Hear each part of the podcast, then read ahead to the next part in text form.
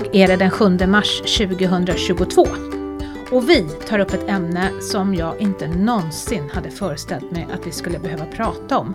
Vi ska prata om pension och krig. Och det gör vi ju då med anledning av kriget i vår närhet som redan påverkar vår vardag. Men faktum är att under de dryga hundra år som vi har haft pensioner har flera krig i vår närhet härjat. Hur var det då? Och vad kan vi vänta oss nu?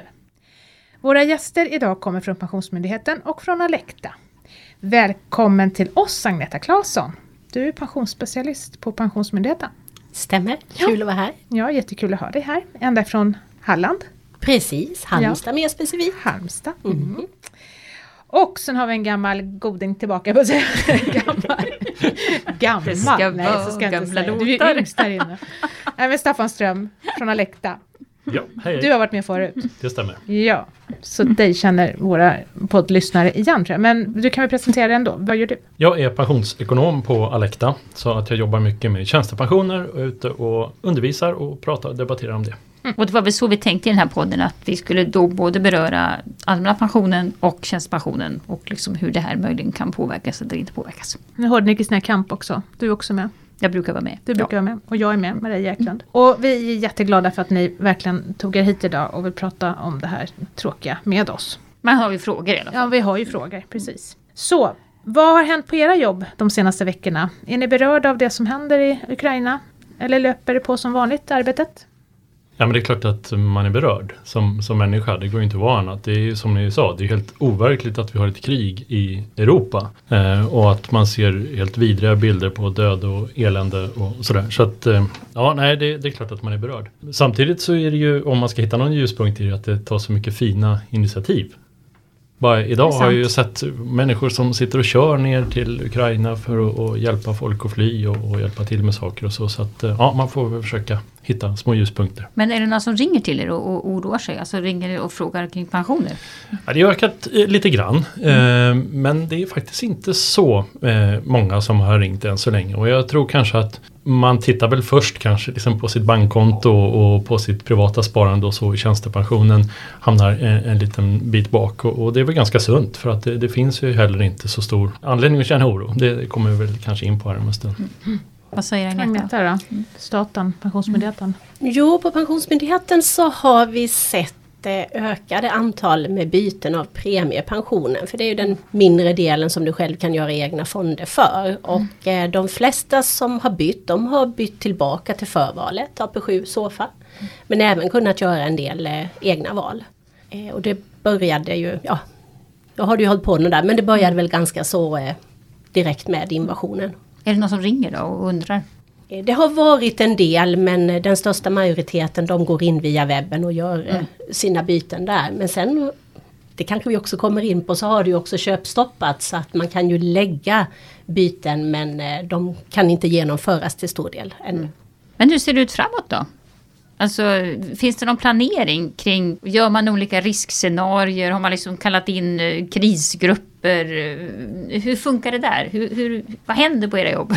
Jo, det finns väl två sätt som vi, vi jobbar på. Det ena är ju det finansiella och där sitter ju våra kapitalförvaltare alltid eh, varje dag året om och förvaltar pengar aktivt. Så att för dem är det ju på ett sätt inte så mycket nytt. Sen är det klart att den här situationen är ny för oss alla och att de därför behöver fatta andra typer av beslut och, och bevaka lite andra saker än vanligt. Men, men det där finns det ju en, som jag var inne på, en över hundra år lång tradition av att agera när det händer saker i omvärlden. Eh, om man bara ser till min arbetsgivare Alecta så har vi varit aktiva över två världskrig och, och mm. över IT-krasch och, och, finanskris och alltihopa sådär. Så att det är klart att man tar med mycket lärdomar från de situationerna och det, det gör ju många andra pensionsförvaltare också såklart. Sen finns det ju en en annan aspekt av det hela och det är liksom det mer praktiska. Att det såklart finns sedan lång, lång, lång tid tillbaka krisplaner. Eh, hur, hur ska man agera om vi får ett strömavbrott eller mm.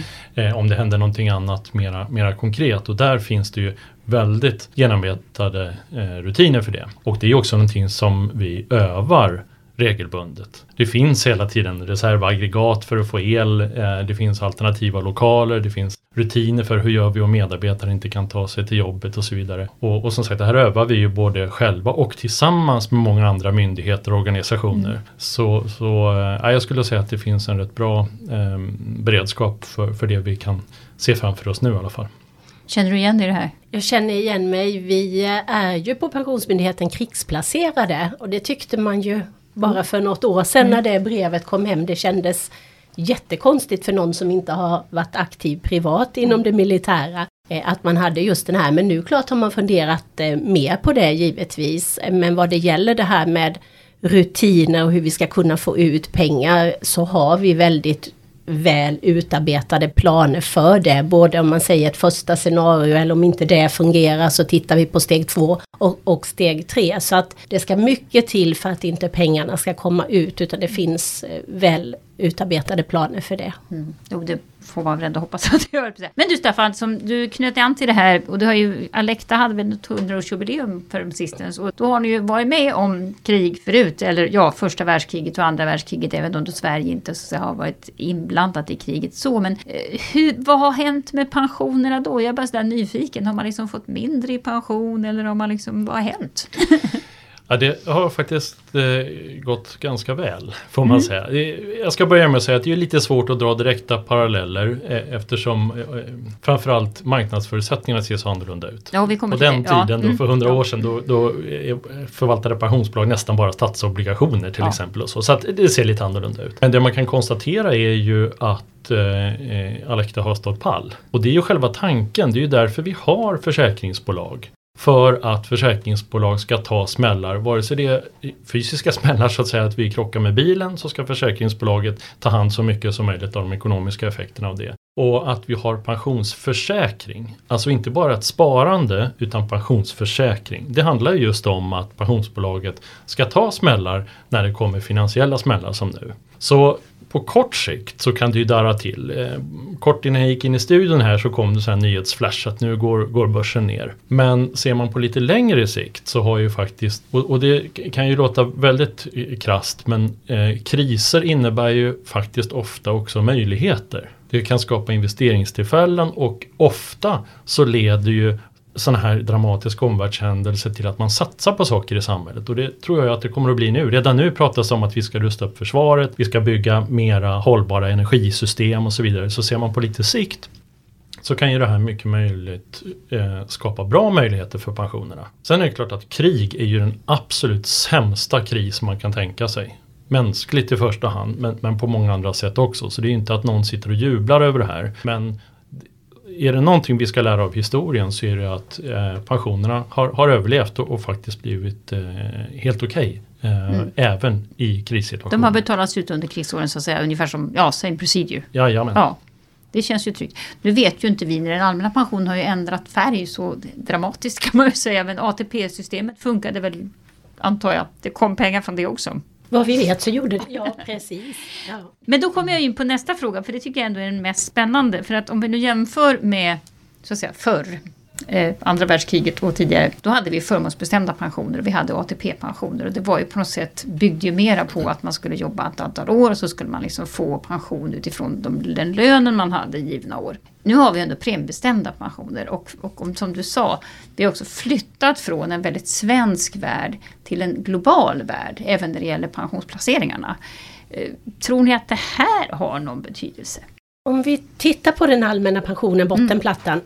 Inkomstpensionen, den stora delen, är ju inte direkt påverkad utav vad som händer på börsen. Det tycker jag är viktigt att eh, komma mm. ihåg mm. det. Det är den, den större delen påverkas inte på samma sätt som premiepensionen gör. Men den är ju å andra sidan direkt placerad mot börsen. Mm. Och är ju precis som du säger premier som betalas in och som vi gör en viss placering för och sen så följer den då helt enkelt värdeutvecklingen i, i, eh, i de fonder som vi väljer. Och eh, beroende på hur du väljer, väljer du mer nischat, att du väljer specifika länder, specifika fonder, ja då erbjuder ju fondtorget fonder över mm. världen och det är mm. klart att då kan du hamna i en placering som blir direkt påverkad. Så där är det ju bra att oavsett om vi har krig eller inte, och det vill vi ju såklart inte ha, så är det ju bra att tänka lite bredare de här globala aktiefonderna. Då har du ändå en del risk, eh, men du är inte så nischad och du är inte så sårbar. Samtidigt är ju inkomstpensionen då väldigt avhängig av vad som händer i svensk ekonomi. Alltså skulle vi få väldigt stor arbetslöshet eller skulle någonting, alltså att det, det, kan ju, alltså tillväxten kan väl hämmas. Det skulle ju få en bäring på även inkomstpensionen. Ja, den följer ju inkomstutvecklingen. Mm. Men som det är idag i alla fall, och det känns ju positivt, så är det ett ordentligt överskott mm. i inkomstpensionen. Så att eh, det måste till ganska mycket för att det ändå ska bli den här eh, sänkningen, balanseringen, som en del kanske har hört talas om. Utan nu har vi ju ett, ett eh, plus på, ja jag tror nog det är ja, jag drar inte till med någon siffra, men det är ett stort plus ja, i alla fall. Det kan ja. lyssna på ett poddavsnitt som vi spelade in alldeles nyligen som handlar om pensionsgasen. Det var, precis, var din kollega ja. Olle Zettergren här pratade om pensionsgasen. Och jo, sa det, han 800 miljarder? Ja, mycket var det i alla fall. Ja, så det, och även om börsen har knackat ihop lite sedan dess så finns det nog lite pengar kvar. Jo, men det är väl bra att sagt att jag tror det är över tu, ja, jag tror faktiskt att jag såg en högre siffra efter något sånt. Ja, det jag måste bara säga, för det blir nog lite konstigt. Jag är ju krigsplacerad på Pensionsmyndigheten vill jag mm. tillägga. Ja, du ska inte ut i någon buske. nej. det var just det här poängen med att vi verkligen gör allt vi kan för att få ja. ut pensionerna. Ja. Att vi är som medarbetare placerade på myndigheter och verkligen ska göra eh, det vi kan för att alla ska få sina pengar. Man kan säga tvärtom, du ska inte vara ute i någon buske för du har annat att göra. Precis, ja. ja. Så det kan vara, låter ju rätt okej. Okay. Ja. Men du, tillväxten eh, Staffan, har det någon bäring för er då? Jo, det är klart att eh, tillväxt eh, skapar ju värdetillväxt i pensioner. Ja. Så är det. Men även här så finns det ju faktiskt eh, all, all anledning att vara rätt trygg. För att de som är pensionärer nu eller som kommer att bli det de närmaste 10-15 åren så där, har ju i många fall åtminstone förmånsbestämd pension. Eh, och det är ju som du var inne på nyss här Kristina, att eh, det är ju en pensionsmodell där pensionen är fast utlovad i relation till, till lönen. Så att den påverkas ju faktiskt inte av sådana här svängningar i marknaden. Eh, och förr fungerade ju pensionen så för nästan alla i Sverige. Att det var istället staten, om vi pratar allmän pension, eller arbetsgivarna, om vi pratar tjänstepension, som fick ändra i sina inbetalningar mm. när det svajade till på marknaderna. Det som har hänt då eh, på de, de senaste 20-30 åren är ju att man har gått över mer och mer mot premiebestämd pension. Och då är det ju så att staten och arbetsgivarna istället vet vad det kostar och sen så regleras sådana här marknadshändelser i, i, i värdet på pensionerna. Men även där så är det ju så att eh, det har byggts upp enorma överskott de senaste åren. Det, det ska vi ju veta att de senaste tio åren har ju varit otroligt starka. Alecta har aldrig i vår hundraåriga historia haft en så stark ekonomi som nu. Och så tror jag det ser ut för de allra flesta pensionsbolag. Så att det finns rejält med stabilitet och marginaler att ta av även när det nu gungar till på börserna. Och det där tror jag att man kan, ska, ska vara medveten om att även om det gungar till och man får höra så här på, på läsa kvällstidningen och höra radionyheten att börsen svänger till så finns de här krockkuddarna i pensionsbolagen till väldigt hög eh, utsträckning. Det är heller inte så att vi ska ta ut alla våra pensionspengar idag eller imorgon utan även den som har ganska kort kvar till pensionering kommer ju att ta ut de här pengarna under 20 20, 25, 30 års tid kanske.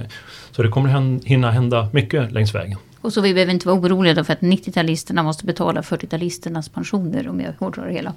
Det finns pengar till 40-talisterna, de har skapat ihop sina egna. Jag skulle vilja säga att det kommer finnas pengar till alla men det är klart att eh, just nu så förstår jag att många kan känna sig oroliga. Eh, det pratas mycket om, om pengar och pensioner också och att man då tänker på sitt egna här och nu. Men precis som du sa Staffan, det här pension är ett långsiktigt sparande. För de allra flesta ska inte plocka ut dem här och nu och att en nedgång det brukar ofta, hittills i alla fall så har det kommit en, en uppgång. Så eh, det kan väl vara bra att man ser över såklart i den allmänna pensionen, sin premiepension. Men eh, så där drastiskt tror jag inte man behöver vara. I det långa loppet så behöver det inte bli någon större påverkan när man pratar om utbetalningen en gång. Nej, man kan ju vara för försiktig också.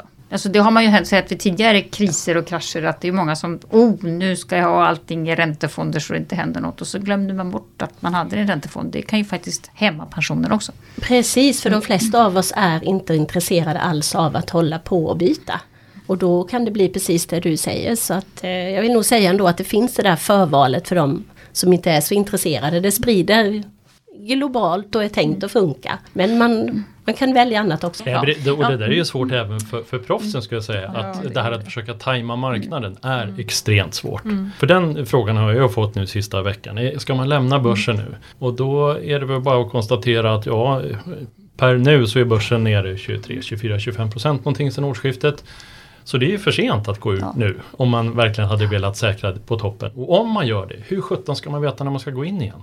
Det där är jättesvårt så, så därför så är ju ett klassiskt expertråd det är ju det här att sitta still i båten och det kan kännas lite, lite klyschigt och defensivt men det är faktiskt ofta ett, ett bra råd. Sen är det Även ju som Agneta var inne på, om man nu inte har lagt alla sina ägg i en väldigt liten korg och har allt i Rysslands fonder. Det är klart, då är man inte i ett roligt läge nu. Men så ska man ju aldrig hantera pensionspengar tänker jag. Att satsa allt i en, i en för liten marknad eller för liten nisch. Utan har man ett, ett tänkt lite bredare så, så finns det ingen anledning att, att känna någon större oro just nu. Om man är väldigt nära pensionsåldern då, om man liksom står där och är, ja, hade tänkt att börja plocka ut pensionen nästa år. Då kanske inte lika lustigt heller, eller? Men det spelar egentligen ingen roll skulle jag säga då eftersom du, alltså många, det där verkar vara någon slags myt att då måste man liksom säkra alla pengar. Tjoff, och så har man dem. Utan många väljer ju att fortsätta att spara i fonder eller ha ganska okej risk i sin, sin, om man nu inte har en förmånsbaserad pension, att man har fondförsäkringar eller en traditionell försäkring och sen så växer ju de till sig ändå. Det enda jag har funderat på nu det är ju att som i nästan alla andra kriser så tar ju den svenska kronan rätt mycket stryk när det är oroligt. Och det är klart om man nu ska flytta till Spanien så kommer ju det att bli kännbart att man får ju inte lika mycket euro för sin svenska pension. Och det kan man ju faktiskt inte göra så mycket åt egentligen. Det får vi leva med. Mm. Nej, det där är ju en effekt som eh, inträffar eh, nästan alltid när det börjar svaja lite grann. Att de små valutorna som kronan till exempel ta- tar lite mer stryk. Sen brukar den ju poppa upp igen då när det lugnar ner sig igen. Och igen så vill jag bara påminna om det här med det starka utgångsläget. Att trots att vi nu är då ner en 23, 24, 25 procent så är vi ju nu på ungefär samma nivå där börsen var för ett år sedan. Så att det är faktiskt inte mer än så. Och tittar vi tre år bakåt, ja då är det faktiskt fortfarande vi plus 35 procent nästan. Så att det är ju ett väldigt, väldigt starkt utgångsläge. Och tittar man på vad som har hänt nu så är det ju faktiskt inte kriget som har utlöst den största börsfallet utan det inträffade ju faktiskt innan Ukraina-kriget. Det var ju snarare en effekt av att vi hade haft så, så kraftiga och mångåriga börsuppgångar så det var dags för lite marknadskorrektion. Sen kom kriget ovanpå det naturligtvis. Men eh, så totalt sett så är faktiskt de här eh, eh, reaktionerna vi har fått se nu inte så väldigt dramatiska om, om man ser det på lite längre, längre sikt. Det är vi tillbaka det där med de här normala svängningarna, det kommer och går. Mm. Precis. Nu har vi pratat börsen här och hur det ser ut just nu. Om man blickar framåt då, vad skulle hända? Du sa ju att du var krigsplacerad på Pensionsmyndigheten du Agneta. Ja, kanske inte precis nu Nej, men vi har en ja. plan Mm, menar jag för precis. det om det Mm. blir eh, Men vad, vad finns det mer för beredskap då om det verkligen skulle bli krig här i Sverige? Vad, vad händer då med pensionerna? Om, om, om elnätet går, om vi Ja. inte har något internet och ingen Precis. el. Liksom om vi tänker worst case. Kommer pensionerna betalas ut? Eller hur kommer det gå till? Om jag tittar för egen del på Pensionsmyndigheten lite som jag Mm. berörde innan så finns det ju väl utarbetade planer både steg 1 och steg 2 och Mm. steg 3 och det är ju egentligen eh, bara under några få dagar i månaden som vi hanterar eh, försäljning för att säkerställa då, Och eh, utbetalningar. utbetalningar. Men då gäller det ju egentligen eh, premiepensionen mycket och det kan vi skjuta på någon dag så det behöver nödvändigtvis inte ske under de här dagarna som vi vanligtvis har det. Och vi skulle också kunna få iväg pensioner som då kanske inte exakt är till det beloppet som är tänkt. Men jag skulle vilja säga det att det är mycket till för att det inte ska komma några pengar. Men det är klart att vi styr ju inte allt eh, vi heller. Och det Men ni måste har ju en beredskap. Det Ja, finns en ja. hög beredskap och det är ju såklart jätteviktigt att kunna känna det som eh, medarbetare och som pensionär Mm. som behöver sina pengar på båda sätt. Att vi har en plan och att man kan känna sig trygg med det. Det känns ju superviktigt Mm. såklart. Så att eh, det hoppas vi ju att vi inte ska behöva använda alla Mm. våra planer och beredskap såklart. Verkligen.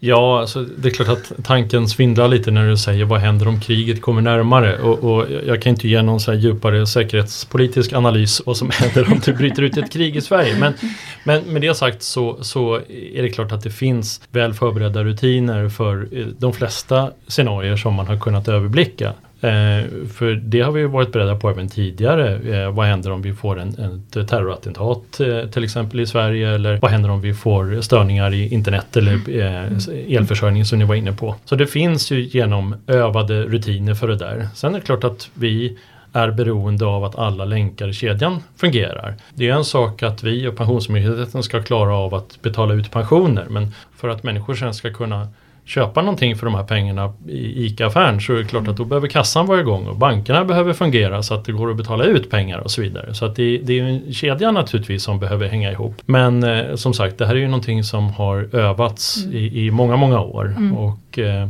det som har hänt är väl att det, det har kommit eh, lite närmare att det, det, skulle kunna komma i, till användning, de, mm. de här övningsrutinerna. Mm. Det låter ganska tryggt ändå. Behöver jag som pensionssparare eller möjligen pensionär eh, göra något? Eller ska jag somna om?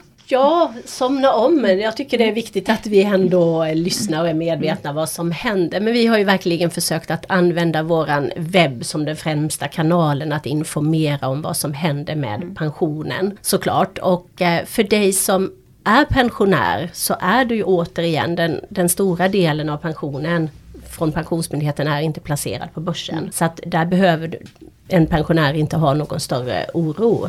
Men sen kan det ju vara så om du är precis i eh, planerarfasen, du ska börja plocka ut. Ja, även för den personen så är den större delen inte placerad Nej. på börsen. Men vad det gäller premiepensionen så har vi ju då den här traditionella försäkringen som man kan välja vid uttagstillfället. Och eh, så är det ju att eh, väljer du den nu när kanske du har ett värde som har sjunkit eh, så har du mindre möjlighet att vara med i en uppgång. Så det kanske är så att man inte bör välja den nu utan är man intresserad utav den där så kan man gå in och välja den i ett senare skede. Måste, måste man välja antingen eller? Man kan inte ha hälften hälften? Nej, det är ju så att mm. här är det antingen eller mm. men du behöver inte välja den vid första Nej. uttagstillfället utan du kan återkomma sen om du vill och då får du ju en lägsta garanti med möjlighet till högre utbetalning beroende på hur förvaltningen går. Men om du väl väljer den så kan du inte backa tillbaka Nej. till fonderna sen. Du kan ju till exempel vänta med ditt uttag av premiepensionen också om det skulle vara så. Men för de som har kollat upp nu var de har sina pengar och börjar fundera så kan man väl kanske föra ett litet resonemang med sig själv att man inte placera i den traditionella försäkringen för att missa en eventuell uppgång. Eller en trolig uppgång så ska jag säga istället. Mm. Nej, och vad gäller tjänstepensionerna så är det ju så. De, jag tycker att man kan vara lugn. Därför att, som vi var inne på förut, många har förmånsbestämd försäkring som inte påverkas alls. Och det finns stora eh, marginaler att ta av där. Eh, många även av yngre har ju en stor del eller hela sitt tjänstepensionssparande det som kallas för traditionell försäkring. Och då är ju heller inte allt placerat på börsen utan då är ju en del placerat i fastigheter eller infrastruktur eller i skog eller i andra typer av tillgångar. Eh, och en del i räntebärande papper också som liksom balanserar när det gungar till på börsen. Så det man möjligtvis kan hålla koll på det är just om man har väldigt spetsiga fondplaceringar. Eh, det kan man väl titta till eh, om inte annat så för att kunna sova gott om natten. Eh, att man har en, en, risknivå som, som känns, eh, känns bekväm. Men, men då är vi inne på, eh, som du säger Agneta, ganska få som har valt väldigt, väldigt små spetsiga fonder. Den typiska pensionsspararen kan, kan sova gott om natten tycker jag. Ja, den som mm. undrar var man har sina fonder någonstans så mm. står ju faktiskt det i orange kuvertet som dimper ner här nu eller redan har ja, dumpit ner i lådan. Så kan man ju kolla i det om man nu skulle fundera kring det. Och vill man byta så gör man det hos er på Pensionsmyndigheten? Ja, då loggar man in där. Ja. Det kostar ingenting att byta Nej. men eh, som vi var inne på innan, intressera sig för fonder nu mm. på grund utav det här. Det tycker jag inte du ska behöva göra utan det är om du har det där intresset innan. Men kolla till om du var sådär superspecifik och, mm. och kanske gör ett byte då nu eller om ett tag. För det är aldrig bra att vara för eh, specifik. Men återigen, pension är ju det här långsiktiga sparandet. Så precis som Staffan säger, nu har vi gått om varandra hela tiden och pushat just för det här att någon jätteoro ska inte den vanliga pensionsspararen eller för all del pensionären ha. Mm. Hur kommer det bli på min pension då? Ja, man kan väl fortfarande göra sin pensionsprognos. Ja, så länge bolaget levererar uppgifter ja. till oss. Och vi har ju också krisplaner och så, så ja. att vi ska inte ligga nere så länge heller. Nej. Nej. Precis så. Det finns nog backup nästan överallt tror jag på många håll. Och det är väl många mm. som resonerar ungefär som vi gör nu. Liksom, hur är det med våra planer och hur mm. det ser ut. Och sen, de flesta tror jag kommer till samma insikt. Det mm. ser rätt bra ut. Precis. Det kan vara ett bra slutord. Mm, det kan vara ett bra slutord. Ja. Tack för att ni kom hit idag. Tack. Tack. Superintressant. Och vi sover lite lugnare i natt tror jag. Jag tror det. Ja, ja det tänker jag göra i alla fall. Ja.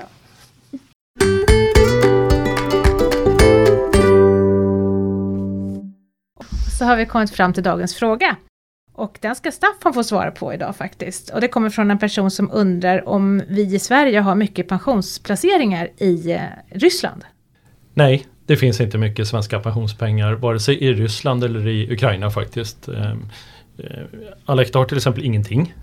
Och jag är ganska säker på att de eh, flesta stora svenska pensionsbolagen har antingen ingenting eller väldigt, väldigt lite. Och många gör sig ju dessutom av med, med de innehaven nu av, av etiska skäl. Så att nej, eh, det finns inte mycket svenska pensionspengar i, i Ryssland idag. Mm. Och det ser likadant ut hos staten? På Premiepensionstorget så finns det, vi har haft ett tiotal och de är ju köpstoppade nu några stycken. Och vilket betyder att man har kunnat sälja men inte handla. Men å andra sidan så har det inte gått att genomföra all försäljning eftersom det har varit stängt eh, på eh, motsvarande börs om man säger så. Men en förhållandevis väldigt litet antal är exponerade mot Ryssland. Och det ska ju såklart utredas här nu framåt om de ska vara kvar och möjliga och finnas med på fondtorget. Det ska bara vara okej okay fonder att välja där. Det blir ju väldigt spännande framöver när vi ska diskutera etiska placeringar. Det ska vi göra en podd om några, om några avsnitt framöver. Ska vi mm. prata social hållbarhet och sådana här saker. Vi lär återkomma till detta ämne. Mm. Spännande. Mm. Och det var allt för oss idag. Tack för att du har lyssnat. I avsnittet har du hört Pensionsmyndighetens pensionsspecialist Agneta Claesson, pensionsekonom Staffan Ström och min pensions pensionsekonom Kristina Kamp och som mig Maria Eklund. Podden produceras av Min Pension som är en oberoende tjänst i samarbete mellan staten och pensionsbolagen och som ger dig bättre koll på dina pensioner. Om du vill lyssna på fler avsnitt så hittar du Min Pensionspodden i kanaler där poddar finns. Nya avsnitt släpper vi normalt varannan fredag. Om du har frågor som du vill att vi besvarar i podden så mejlar du till podd.minpension.se. Jag hoppas att vi snart hörs igen. Var riktigt rädd om dig själv till dess och ha koll på dina pensioner. Hej hej! Hej då!